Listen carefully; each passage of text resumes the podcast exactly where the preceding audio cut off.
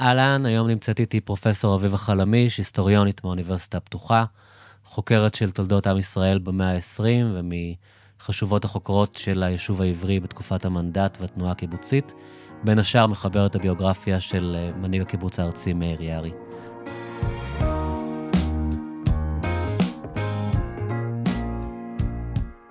אז שלום פרופסור חלמיש, תודה רבה שהצטרפת אליי היום. שלום.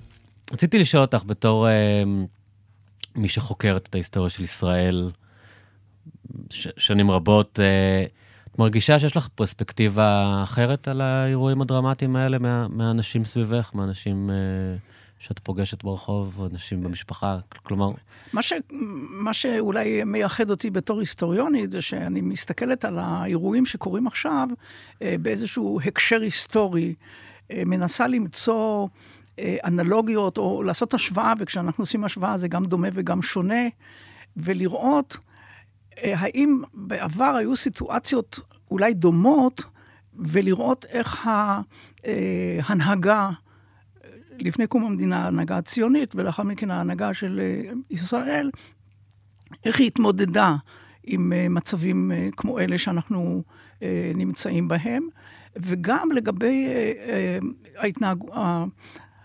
המצב החברתי, כלומר, באיזה מצב חברתי האירועים האלה תופסים אותנו, ומה זה עושה לחברה הישראלית. אז אולי נתחיל דווקא עם הנקודה השנייה. אנחנו, הייתה מין הרגשה שישראל הגיעה לשפל שלה מבחינת אה, הקרע בעם, מה שנהוג לומר. אה, מי שקורא על ההיסטוריה של ישראל יודע שתמיד היה קרע בעם, והמדינה הייתה מפוצלת אה, עוד הרבה לפני קום המדינה, והרבה פעמים היו נושאים שהיו נראים, אה, רגעים היסטוריים שאנשים חשבו שהם על סף מלחמת אחים. אה, אה, איך את מעריכה את הקרע של, של השנה האחרונה הזאת? אה, הוא, הוא באמת דרמטי יותר מאירועים שהיו? קודם כל, בהסתכלות היסטורית, ואני מדברת על התקופה שלפני קום המדינה, היו כמה וכמה נקודות שאפשר להגיד שהיישוב היה על סף מלחמת אחים, אז אפשר לדבר על מלחמת אחים ולא אזרחים, ותמיד ידעו לעצור על סף התהום. אה, זה היה בעקבות רצח ארלוזורוב, אחר כך בתקופת ה- הסזון, המאבק בבריטים וכן הלאה, כלומר, אלטלנה? אה, אלטלנה זה כבר... כן, אה, את אומרת עוד לפני קום כן, המדינה? אלטלנה זה אחרי כן. קום המדינה. כלומר, הייתה אה, תחושה של איזושהי לכידות לאומית שמתגברת על, ה- על, ה- על השסעים ועל המחלוקות הכי הכי חמורות. ובמובן מסוים אפשר לראות בפרשת אלטלנה, שהיא על, כאילו על, על קו התפר, היא בזמן ההפוגה הראשונה של מלחמ, מלחמת העצמאות, איזושהי אה, אה, החלטה על, שהיא לא הייתה קלה, והיא במידה מסוימת אכזרית, אפשר לומר, אבל שקמה מדינה, יש ממשלה אחת, יש צבא אחד, והדברים מתנהלים כמו במדינה אה, מתוקנת. הפרשייה הזאת, לא, לא כולם בימינו הדור הצעיר, ואני בכלל, אני חושב, לא, לא יודעים עד כמה היא הייתה דרמטית. כלומר, היא בזיכרון הקולקטיבי הישראלי, יש את ההפגזה, את הרגע האחרון שהספינה מוטבעת, אבל כשאתה קורא את התיעוד שהיה שם, היה ממש מחשבה שהאצ"ל אולי יכבוש את תל אביב, ו... לא, או לא. לפחות ככה הם חוו את זה בזמן אמת. לא, אני בתיעוד. חושבת שפרשת אלטלנה, המעניין בה הוא באיזה נקודה אתה נכנס לסיפור. כן, אוקיי. כלומר, אם אתה נכנס לסיפור רק מול חופי תל אביב, אז אתה שוכח שעוד קודם לכן היה היתקלות אה, לא רחוק מכפר ויטקין, שגם אה, היו מלווים בחילופי אש. תראה, מה שחשוב, כדי לא להאריך יותר מדי, אנחנו מדברים כאן על מהלך כפול של בן גוריון, של יצירת צבא אחד ואחיד. מצד אחד פירוק הפלמ"ח, ומצד שני, העניין הזה של אלטלנה, שאין דבר כזה, שאחרי קום המדינה יש איזושהי קבוצה אה, אה, צבאית, ארגון מסוים, שמביא לעצמו נשק שלא בדרך ה... אה, לא דרך המדינה ולא אה, מציית להחלטות של המדינה. עכשיו, צריך לזכור כאן, וזו תופעה חוזרת, שבעצם ה... אה, אם אנחנו מדברים על אלטלנה, הצד של הרוויזיוניסטים, הצד של בגין, הביאו את המצב אל סף התהום, אבל צריך להגיד לזכותם כשהם ראו את התהום, הסתכלו למטה בתהום, אז הם עצרו. כך היה עם ז'בוטינסקי בעניין של אה, פרשת רצח ארלוזורוב, וכך היה אחר כך באמת אה, בעניין של הסזון בתקופת המאבק נגד הבריטים, וגם בעניין של אלטלנה. כלומר, המנהיגים משני הצדדים ידעו לעצור, לעצור בזמן. וזה, אני חושבת, איזשהו סימן דרך להמשך ההתנהלות של, מדין, של ישראל כמדינה ריבונית, דמוקרטית, שיש אה, מוסדות נבחרים, יש מוסדות ביצועיים, והצבא כפוף להחלטות של ההנהגה המדינית הנבחרת. עכשיו, אם נחזור לעניין של מה שקרה בשנה האחרונה. אה, צריך להיזהר במילים, אני קוראת לזה ההפיכה המשטרית או המשפטית, הניסיון, אה, ואל מול זה המחאה. התופעה, כאן אני אולי מגלה צבע, כלומר, אני השתתפתי בה, תחושת הסולידריות והאחריות ההדדית וההתנהלות של, של האנשים במהלך ה, הסוגים השונים של המחאה, הייתה מאוד מאוד אחראית ומאוד מאוד אכפתית. ואם אני אעשה איזושהי קפיצה למה שקורה ממש עכשיו, ה, אה, לצד הכאב הנורא על מה, שקור, מה שקרה ב-7 באוקטובר והמלחמה, ההתגייסות של החברה, מעשה ההתנדבות, הנכונות של אנשים אה, לעשות מעל ומעבר לנדרש, זה, זה מחמם את הלב. זה, זה יוצר באמת תחושה שיש, אולי זה לא כולל את כל החברה הישראלית, אבל יש תחושה של... אה, אחווה משותפת, אני לא נתפסת לסיסמאות כאלה, ביחד ננצח, כן. והדברים האלה שהם טיפה... אבל אתה רואה כל מיני גילויים של עזרה הדדית, של התחשבות, של, של רצון לעזור. יש לי הרגשה לפעמים שה... פרה רוצה להניק יותר ממה שהעגל כן. רוצה לנהוג. נכון. אז uh, עכשיו, במובן הזה גם צריך לראות את העניין הזה של המעבר המהיר של uh, ארגוני מחאה למיניהם, שהפכו מארגוני מחאה לב... בעצם לארגוני סיוע אזרחי. כמובן, הדוגמה הבולטת זה אחים לנשק. וזה זה, זה גם מוכיח בדיעבד שכל הדיבורים האלה על סרבנות, שזה מילה שמשוקצת לדעתי בהקשר הזה, הם היו, היו מוגזמים ומיותרים, והעובדה שכפי שהאנשים האלה אמרו לכל אורך הדרך, שברגע שתגיע שעת אמת, כולם יתייצבו. כן, מה שמעניין, אה, אני כותב אותך, מצטער, בבקשה. בכל האירועים האלה שציינת, נגיד אם אנחנו לוקחים את אלטלנה, פחות בקיא במה היה המצב ברצח ארלוזרוב, אבל נגיד בסזון, היה תמיד אה, אויב חיצוני, שסביבו אתה מתאחד. וההרגשה הייתה בשנה האחרונה שאולי אין כבר אויב חיצוני כל כך, אנחנו רק רוצים לעשות אה, נורמליזציה עם סעודיה כדי שיהיה לנו יותר סחר, אבל ההתעלמות הזאת או ההדחקה הזאת של, של הבעיה הפלסטינית, אה, וההרגשה של ישראל בעצם אין איום קיומי למעט איראן הרחוקה, שכבר אנחנו לא יודעים בכלל, את יודעת, היחס הציבורי אליה הוא, הוא השתנה בשנים האחרונות. אה, בעצם לא היה הגורם המרסן לקיטוב החברתי ול, ולמצב הקשה שהיינו בו מול משהו חיצוני להתאח, אה, להתנגד מולו, אתה מתכוון מולו. בתקופת המחאה? כן, אני מתכוון בשנה האחרונה.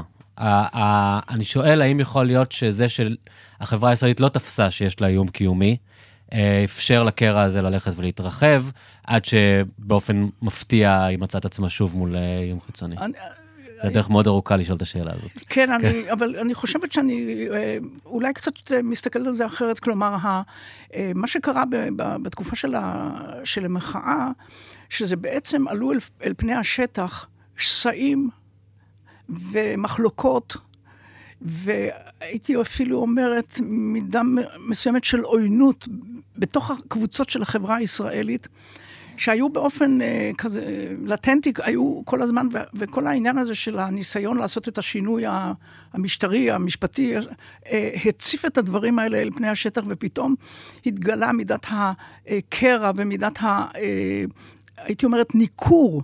אה, בין שכבות חברתיות אה, בחברה הישראלית, אבל זה כולל גם מצב שאפילו אם אתה מדבר על העניין הזה של איום חיצוני, של תחושה שחלק מהחברה הישראלית אפילו אם יש איום חיצוני ויגיע יום mm. שנקראים לקרב, אז כמו שאומרים, יש אימא חרדה ויש אימא חרדית. התחושה הזו שלא כולם נושאים בנטל בצורה אה, שוויונית במצבים של... אה... ומצד שני, הסתכלות על המחאה כחשד בנאמנות שלה בכלל. כלומר, בשני הצדדים היה את המחשבה אז אני, הזאת. אני, אני חושבת, אני חושבת, כמו שאמרתי, שהסרבנות כן. במרכאות כפולות, אני חושבת ש deep down, כולל נתניהו, הם ידעו שזאת כן. לא סרבנות. הם ידעו שהאנשים האלה, אם להשתמש במליצה, הם מלח, מלח הארץ. שהאנשים האלה, ברגע שיקראו באמת לאיום חיצוני, הם מיד, כן, יק- פוליטי מיד יקראו, ב- יקראו לדגל. אבל אם נחזור באמת לתקופה שלפני הקמת המדינה, הלוא אנחנו מדברים על חברה וולונטרית, זאת אומרת, לא הייתה מדינה עם סמכויות, עם ריבונות, עם יכולת לאכוף את, ה, את ההחלטות של ההנהגה המדינית הנבחרת. וזה היה כוחה. של ה... כוחו של היישוב, אתה יודע שגם ועדת פיל ב-1937 וגם ועדת האו"ם ב-1947, ששתיהם החליט, אמרו שצריך לחלק את ארץ ישראל ולהקים מדינה יהודית בחלק ממנה. אחד הגורמים המכריעים ב... בכך שהם הגיעו למסקנה הזו, זה שהיישוב היהודי הוא בעצם מדינה מדינה בתוך מדינה, מדינה בדרך. חוץ מזה שאין להם ריבונות, הם מקיימים, יש בחירות, יש מוסדות, אה, אה, כן, מוסדות אה, נבחרים, מחוק, אפשר לומר, המקבילה למחוקקים, אה, הקונגרס הציוני וכנסת ישראל, ובית, סליחה, אספת הנבחרים, ויש הוועד הלאומי, ו, וגם הזרוע הצבאית של היישוב, ההגנה, הייתה כפופה. להחלטות של ההנהגה הנבחרת, ובמובן הזה זה כאן הסכנה שהייתה בפעילות של הגורמים הפורשים, הרוויזיוניסטים, שהם בעצם לא היו אה, נתונים למרות של המוסדות הנבחרים, והיה בכך סכנה גם מבחינת ההסתכלות הבינלאומית. כלומר, שאם כאן נמצאת ועדת האו"ם, וכל כך מתרשמת מהפעילות של היישוב כחברה דמוקרטית בעצם לכל דבר ועניין, ואם יש גורמים שלא לא, אה, מקבלים את המרות של, ה, של ההנהגה, זה עלול להשפיע לרעה על המסקנות של, ה, של הוועדה. אז כאן, ה, אה, ושוב אני אומרת, שאנחנו מגיעים לממש ערב אה, הקמת המדינה, ואם להתייחס כאן לדברים אקטואליים ש, שנאמר באחד מהדיונים בבית המשפט העליון, שכל העניין הזה של מגילת העצמאות ו, ומי שמם, אנחנו מדברים על גופים נבחרים. אנחנו מדברים על כך שבעצם כשהוחלט לעשות פה את המנדט הבריטי, החבר הלאומים, גוף בינלאומי, אמר שהמוסדות של ההסתדרות הציונית הם המוסדות שמנהלים את ענייני היישוב היהודי בארץ ישראל לכל דבר ועניין. כלומר, יש כאן מעמד סטטוטורי בינלאומי, וכאשר החליטו להקים, להקים את המדינה, אז צירפו לגופים ה... שמנהלים את המדינה ולאלה שחתמו על מגילת העצמאות, גם את הקומוניסטים וגם את אגודת ישראל וגם את הרוויזיוניסטים. כלומר, יצרו מציאות שכל היישוב היהודי ללא הבדל של השתייכות פוליטית וארגונית, ביחד מקימים את המוסדות שהיו מוסדות זמניים, עד הבחירות, וחתמו על מגילת העצמאות. קצת זורקת אותי לשאלת מטה, קצת. הדוגמה הזאת היא דוגמה מעולה עד כמה הישראלים לא מכירים את ההיסטוריה שלהם. אז אני חושב שהמצב כאן די קיצוני בארץ. לגבי, וגם זה לא היסטוריה ארוכה, אבל אני חושב ש... בארצות הברית לומדים American History מגיל מאוד מוקדם. שים מלח על פצעי. כן, אז זהו, אני אתאר לעצמי שזה נושא שקרוב לליבך וגם עסקת בו, אני חושב, במסגרת משרד החינוך, אבל המצב הזה שעומד עורך דין, בן אדם מבוגר, ומין, את יודעת, מהגיגיו, מעלה השערות לגבי, לגבי הכרזת העצמאות, בלי שהוא... הוא אומר דבר בלתי אחראי. אני אומר, בלי שהוא בכלל מבין מי הם האנשים האלה, מי שם אותם. יש תשובה לשאלות שאתה מעלה, אבל גם לא בטוח שכל השופטים ידעו לגמרי להשיב לו. אתה יודע, כאן, אולי אם יורשה לי משהו כן. אישי, אני הייתי בשנים האחרונות גם מטעם המועצה להשכלה גבוהה בוועדה שבדקה את הנושא של מדעי הרוח במוסדות להשכלה גבוהה, וגם בוועדה של האקדמיה הלאומית למדעים בנושא של מקצועות ההומניסטיקה, כמו שקוראים להם, במערכת החינוך העל-יסודית. והמצב הוא, הוא, הוא, הוא, הוא מאוד מאוד מעציב. בעצם לא לומדים. לא לומד, יש פחות ופחות פחות ופחות לומדים מדעי הרוח, ופחות ופחות לומדים את ההיסטוריה. כלומר, אתה הולך לתלמידים ומבחינתם בר כוכבא וטרומפלדור זה אותה, אותה מידה של עתיקות. Okay. ואני חושבת שבהקשר הזה, זה גם כן, אם אפשר להגיד, אם יש לנו מסקנות ממה שקורה כאן בזמן האחרון, אז אחד הדברים החשובים צריכים להיות, שבתוך מערכת החינוך ילמדו יותר אה, היסטוריה של, לא רק של עם ישראל, אלא היסטוריה של, של ישראל, היסטוריה של האזור, להכיר גם את השכנים. כמה אנשים יודעים למשל מה זה החמאס? מה זה התפיסה האסלאמיסטית של החמאס? אני לא מדברת על זה כמה יודעים ערבית, שזה בעיה בפני עצמה. וגם ללמוד היסטוריה אה, עולמית. כלומר, אה, כשעושים כאן אנלוגיות וראש הממשלה מדבר על, אה, על הנשיא רוזוולט ועל פרל הרבור, אני לא יודעת כמה אנשים יודעים מה היה, ואז זה שאתה מנסה לא, להסביר הוא להם. הוא בונה על זה שלא יודעים, ככה הוא יכול לעשות אנלוגיות, איזה כן. אנלוגיות שבא לו, הרי כל מי שמסתכל על האנלוגיה של פרל הרבור יכול לראות בשנייה שזה, למה רוזוולט לא התנצל, זה כל כך, כל כך לא דומה, כאילו. כן, אז, אבל הוא בונה על זה שאנשים לא יודעים. זה, זה הוא כאן יודע, אני חושב. לא, זה צריך להגיד לזכותו. כן. הוא, הוא, ספרים על מלחמת העולם השנייה הוא קורא. הוא לומד, כן, כן הוא איש משכיל. אולי משכיל להרע, אבל הוא משכיל.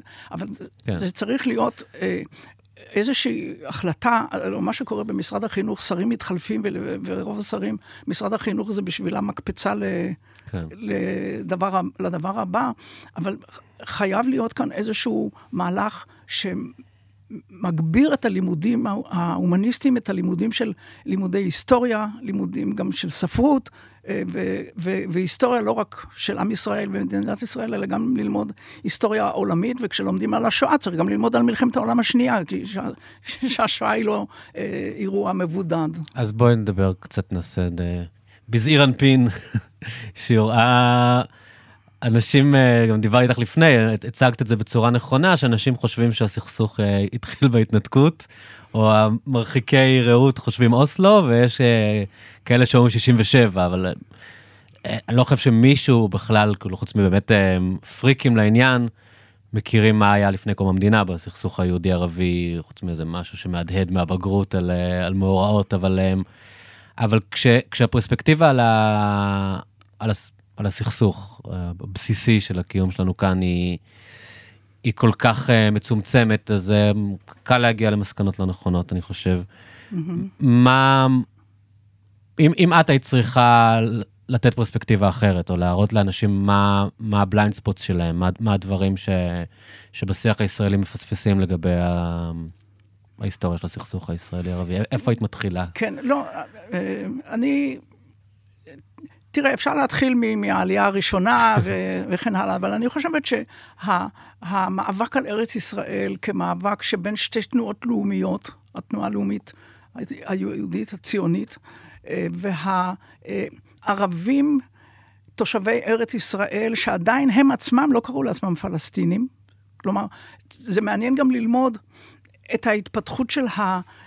התנועה הלאומית הפלסטינית ובכלל של התגבשות הציבור של הערבים בארץ ישראל כציבור לאומי נפרד מהערבים שמסביב. כלומר שיש, כי אה, צריך לזכור שבעצם אה, עד ש...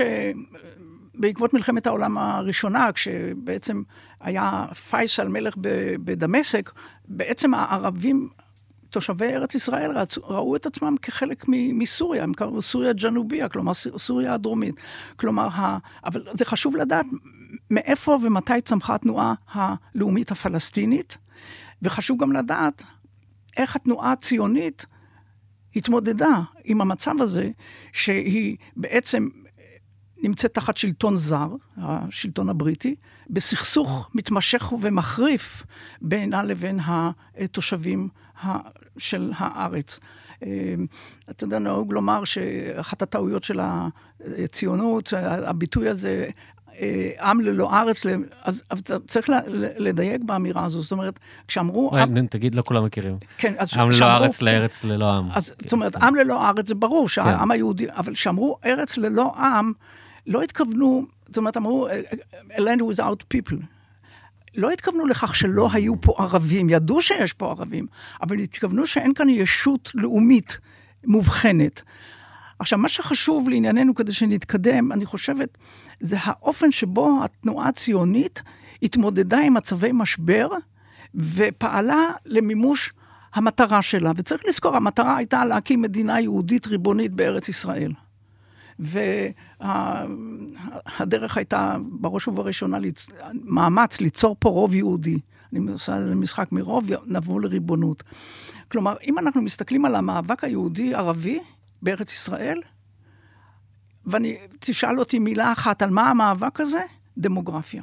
זה, זה, זה בראש ובראשונה. עכשיו, המאמץ היה להביא לרוב יהודי, או לפחות למסה קריטית יהודית, שתצדיק להקים פה מדינה יהודית נפרדת. המטרה הייתה כל ארץ ישראל. אבל שעת המבחן... כל ארץ ישראל המערבית. מהירד... היום זה, כן, כן מהירדן כן, ועד אוקיי. הים. כן, ירדן לים. כלומר, כל ארץ ישראל כן. המנדטורית, החלק המערבי, לא, מ... לא ממזרח לירדן. וההתמודדות הראשונה עם איזושהי הצעה מעשית איך לפתור את הבעיה הזו הייתה ב-1937, כשהיו פה המאורעות, אנחנו קראנו לזה מאורעות תרצב תרצת. המרד הערבי? כן, או... ו- ו- ויותר ויותר נכנס הביטוי מרד הערבי. אני רק אפתח סוגריים, שהמינוח הוא גם חשוב, כי אומרים ככה, אם זה מרד ערבי, אז זה אומר שיש כאן תנועה לאומית ערבית, mm. אבל אם, אם תרצה נוכל להתייחס לזה בהמשך, אבל אני רוצה להמשיך את הקו, שב-1937 בעצם ועדת פילי הציעה לחלק את ארץ ישראל למדינה יהודית, לאזור ערבי שיסופ... שיהיה חלק מעבר הירדן המזרחי. כלומר, לא, הוא לא אמר מדינה יהודית ומדינה ערבית, אלא הערבים, תושבי ארץ ישראל, היו אמורים להיות יחד עם אה, עבר הירדן המזרחי, אז היה שם אמיר עבדאללה כישות אה, מדינית נפרדת, ואזור של ירושלים, בית לחם עם פרוזדור ליפו, שכולל גם את אה, לוד כשדה התעופה, שיישאר בשליטה בריטית קבועה. וחשוב במיוחד העניין של ירושלים, אולי נדבר על זה בהמשך, על איך ניסו לפתור את, את הבעיה של ירושלים מקום שהוא מקודש לשלוש הדתות המונותואיסטיות. עכשיו, תוכנית, זה נקרא תוכנית החלוקה. עכשיו, אני לא בטוחה שכולם יודעים מה באמת ההסתדרות הציונית החליטה. כי ההסתדרות הציונית, ההחלטה של הקונגרס הציוני הייתה שמקבלים באופן עקרוני את רעיון החלוקה, וממנים את ההנהגה הציונית לנהל משא ומתן עם הבריטים כדי לדון בגבולות, כי הגבולות לא היו אה, מספיק אה, נוחים גם להגנה וגם לא מספיק גדולים, ו... לפתור את הבעיה הזו של ירושלים, שהיא לא תהיה חלק מה, אה, אה, מאיזשהו אה, אזור מנדטורי קבוע, אלא שהיא תהיה חלק מהמדינה היהודית, אבל הם התכוונו לירושלים החדשה, שיש בה 70 אלף יהודים, צריך להבין, זה בערך, בכל היישוב היו אז 400 אלף יהודים, אז 70 אלף זה מספר משמעותי. זאת הייתה ההחלטה, כלומר, הסכמה עקרונית לחלק את הארץ. מתוך הבנה שאין אפשרות ליצור מצב של רוב יהודי שיצדיק מדינה בכל ארץ ישראל. עכשיו, אם אנחנו ממשיכים על ציר הזמן, אז במהלך מלחמת העולם השנייה, לפני שהגיעו ההודעות, הידיעות המוסמכות על ההשמדה השיטתית של יהודי אירופה, שינו את ההחלטה בוועידה מפורסמת שהייתה במלון בילטמור בניו יורק, ודיברו על כך שאחרי המלחמה תקום כאן מדינה יהודית על כל שטחה של ארץ ישראל המערבית, ומיד לאחר המלחמה יש לעלות מיד שני מיליון יהודים. לא ידעו שלא יהיו שני, אותם שני מיליון אה, כן. יהודים. וה... אה, כלומר, הבינו שיש דחיפות ושחייבים לפתור את הבעיה, אבל לא הבינו עד כמה כבר האסון... זאת אומרת, חשבו, אה, אני אגיד לך, הם חשבו ככה, שכמו שממלחמת העולם הראשונה, הציונות יצאה עם הצהרת בלפור שדיברה על בית לאומי. Mm. ממלחמת העולם השנייה, אתה יודע, מלחמה... שיהיה זה, מומנטום. זה יוצר, כן. זה, זה, זה, זה תנועות טקטניות, כן? הם, הם לא לפני, לגמרי טעו. לפני שעלה במתקשה, כן. ליצור מציאות חדשה, שתה, והיא שתהיה מדינה יהודית על כל ארץ ישראל. כן.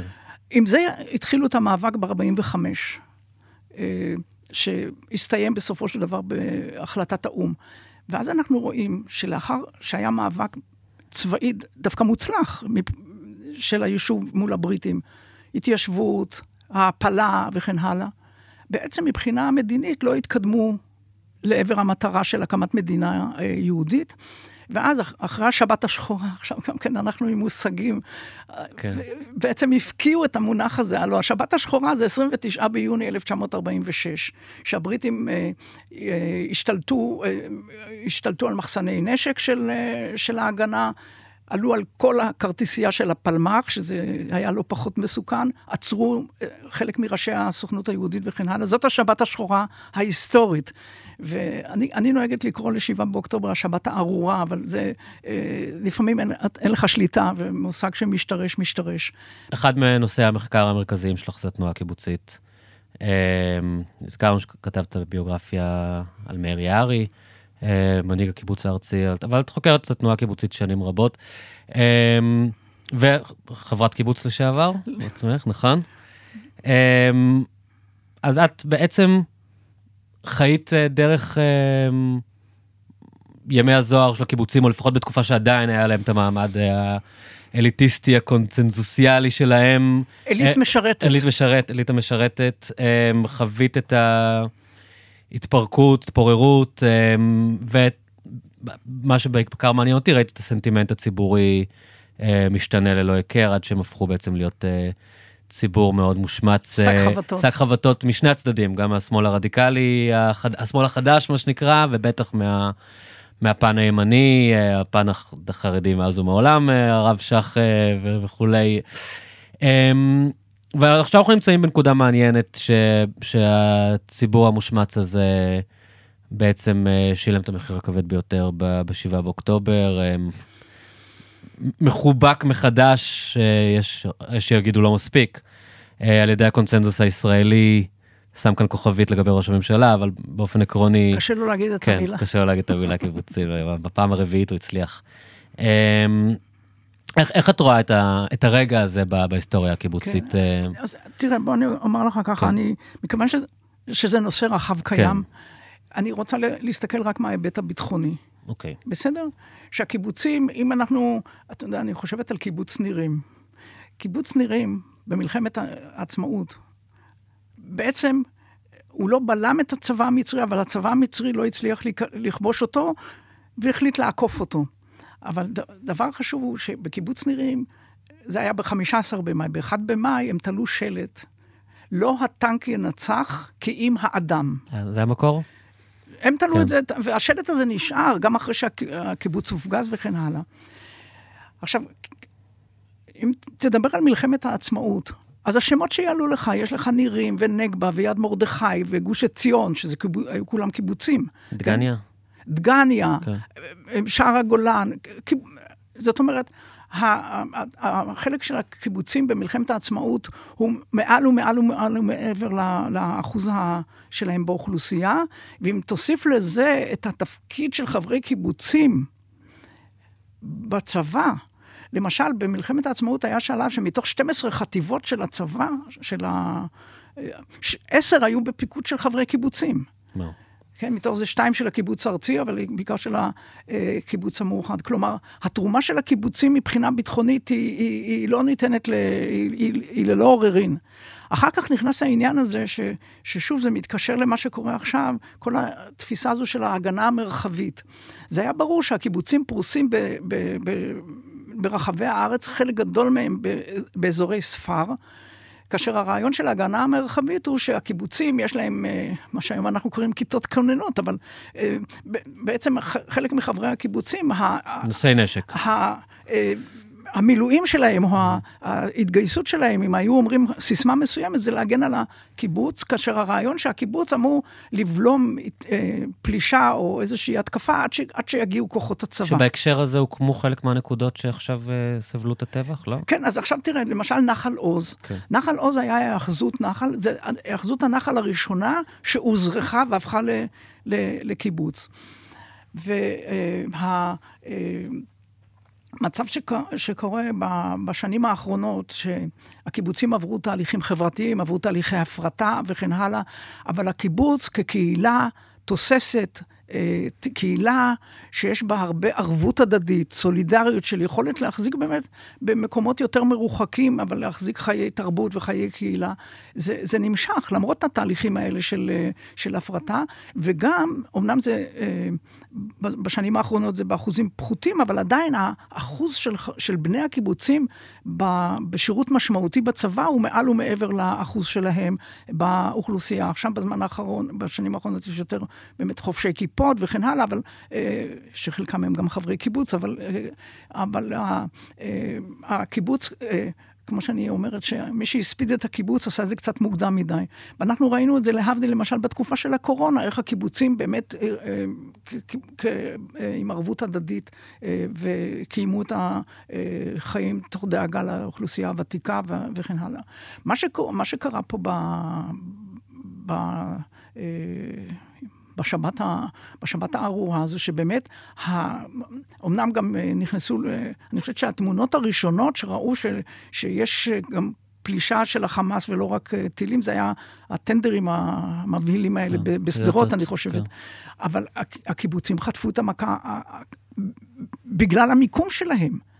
חלק מהם ממש מטרים ספורים, או במקרה הזה מושב נתיב העשרה, שהוא ממש היה על, ה, על הגדר, אבל הקיבוצים אה, בעצם, אם, אם היה להם הנשק והיכולת להתגונן על, או על פי תפיסת ההגנה המרחבית, או למשל, אה, באחת הפעמים שנסעתי שם לקפלן, אז הייתה איתי בחורה שאמרה, אני שירתתי באזור הזה בשנת 2000, סביב, כשהתחילה האינתיפאדה השנייה. היא אומרת, בכל קיבוץ ישבה פלוגה. זאת אומרת, העובדה שהם בעצם נשארו חשופים בצריח, אם להשתמש בשם של הספר של שבתאי טבת על ששת הימים, ועם כל הכאב, הם פשוט הופקרו. שוב, אתה יכול להסתכל על זה ברמ, בעניין של סדרי קדימויות, לא אגיד עדיפויות, אבל סדרי קדימויות, שהכוחות שבעצם היו אמורים להגן על הקיבוצים, היו בש, בגדה, להגן על הסוכה ועל הקבר. אז ה, אני חושבת שיש איזושהי תחושה אולי אפילו של רגשי אשמה כלפיהם, מבחינת ההפקרה. עכשיו, קשה לדעת אה, מה היה הקצב של תהליך השיקום והחזרה, אבל אפילו ברמה של מה שקורה בינתיים, היכולת של הקיבוצים להמשיך לתפקד כקהילה במצב החדש הזה, היא מעל ומעבר ליכולת של קבוצות אה, אחרות מה, ממה שנקרא המפונים למיניהם. ואני חושבת ש... שה, הרעיון הקיבוצי, התנועה הקיבוצית, התרומה של הקיבוץ לחברה הישראלית ול... אם אני אדבר במילים גבוהות, להגשמת המפעל הציוני, היא לא, היא לא, לא נגמרה, והיא באמת מעל ומעבר לאחוז שלהם באוכלוסייה, ולמרות כל המלעיזים וה, וה, וה, והמקנאים, ואני מקווה שאולי גם בזה יעשה איזשהו תיקון. לקראת סיום, אמ, אמרת כאן כמה דברים אופטימיים לגבי יכולת השיקום של הקיבוצים, אה, את חושבת שיש איזה משהו בהוויה שלהם ובקיבוציות הזאת שתעזור, בקהילתיות, כן. בקהילתיות, שיכולה להיות אה, רבת משמעות ועוצמה בתהליך השיקום. איך את, מחשבות על החברה הישראלית, כאילו, איך היא משתקמת מהדבר הזה, אחרי, אחרי השנה הדרמטית שהייתה לנו עם ה... שהיינו על סף, אה, לא יודע, לא יודע אם את ראית את זה כעימות חזיתי או כסכנה לגלישה למלחמת אה, אזרחים או לא, אבל אה, רגע, רגע מאוד אפל, שהגיע אחריו רגע מאוד, עוד יותר אפל. איך את רואה את ה... אחרי שערפל הקרב מתפזר, מה... תראה, קשה כן, מאוד להתנבא, ברור. במיוחד לגבי העתיד. נכון. ובדברים האלה אני יכולה להביע יותר משאלות לב, כי אני, כהיסטוריונית, אני, אני לא רואה נקוד, מצב משברי דומה לזה בתולדות התקופה שאני אה, חקרתי אותה. אתה יודע, אחד הדברים ש, שלא דיברנו עליהם זה על העניין הזה של אה, התייחסות לאירוע הזה כ, כאירוע שואתי. אבל אחד הדברים שיום או יומיים אחרי שזה קרה, היכו בי, פתאום הבנתי שביום הזה נרצחו יותר יהודים מכל יום אחר מאז השואה. כלומר, זו באמת סיטואציה משברית של, שלא הייתה כמותה.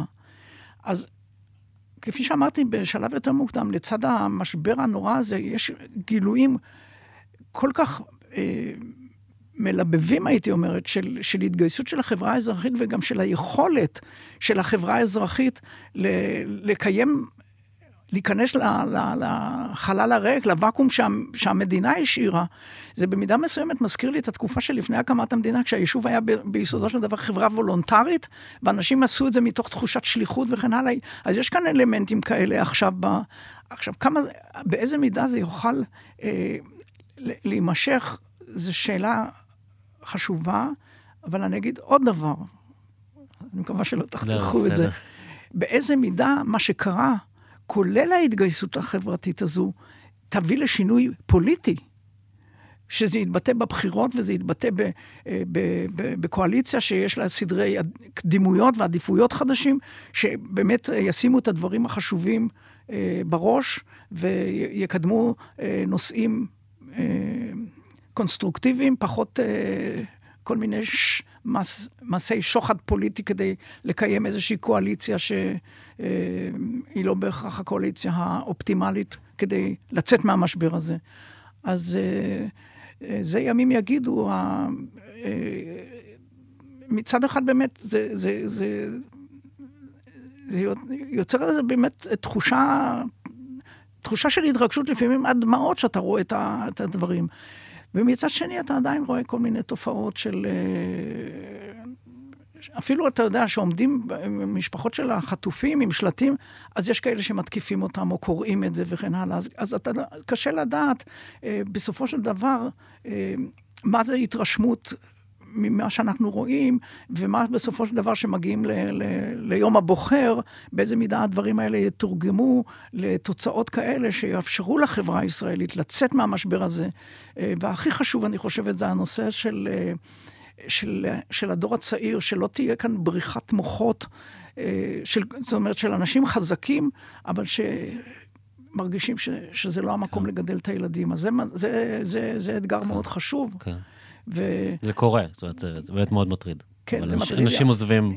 יחד עם התחילו, זה... התחילו לפני המלחמה, כן. והמלחמה חיזקה את זה, אנשים חד משמעית עוזבים. הרבה פעמים שהייתי נכון. בקפלן וזה, הייתי אומרת, האם כל האנשים פה שאני רואה, הם באמת היו ב-1 בנובמבר בקלפי, או שהם היו על חוף הים? כלומר, באיזה מידה, באמת, כשיהיו עכשיו בחירות, אז לא רק בבני ברק יהיה 100% הצבעה, אלא גם ב, ב, באותם מקומות שאנחנו רואים את ההתגייסות הכל כך אה, אה, מרגשת של ציבורים רחבים. יחד עם זה, יכול מאוד להיות ש, שיהיה כאן תהליך של, אה, כמו שהיה לפני מלחמת שש הימים, להבדיל שהיו אומרים, האחרון נכבה את האור, אנחנו לא חס... אבל אם אתה מסתכל על תהליכים ואתה רואה מי עוזב, זה, זה דברים שהם עלולים אה, לפגוע בחברה בטווח הארוך. טוב, אנחנו נמשיך לעקוב, מה שנקרא. On this happy note, כמו כן, שאומרים. כן, בדיוק. תודה רבה, פרופ' אביב חלמי, שהיה לי ממש ממש מעניין לדבר איתך. אתה אתגרת אותי, תודה. להתראות.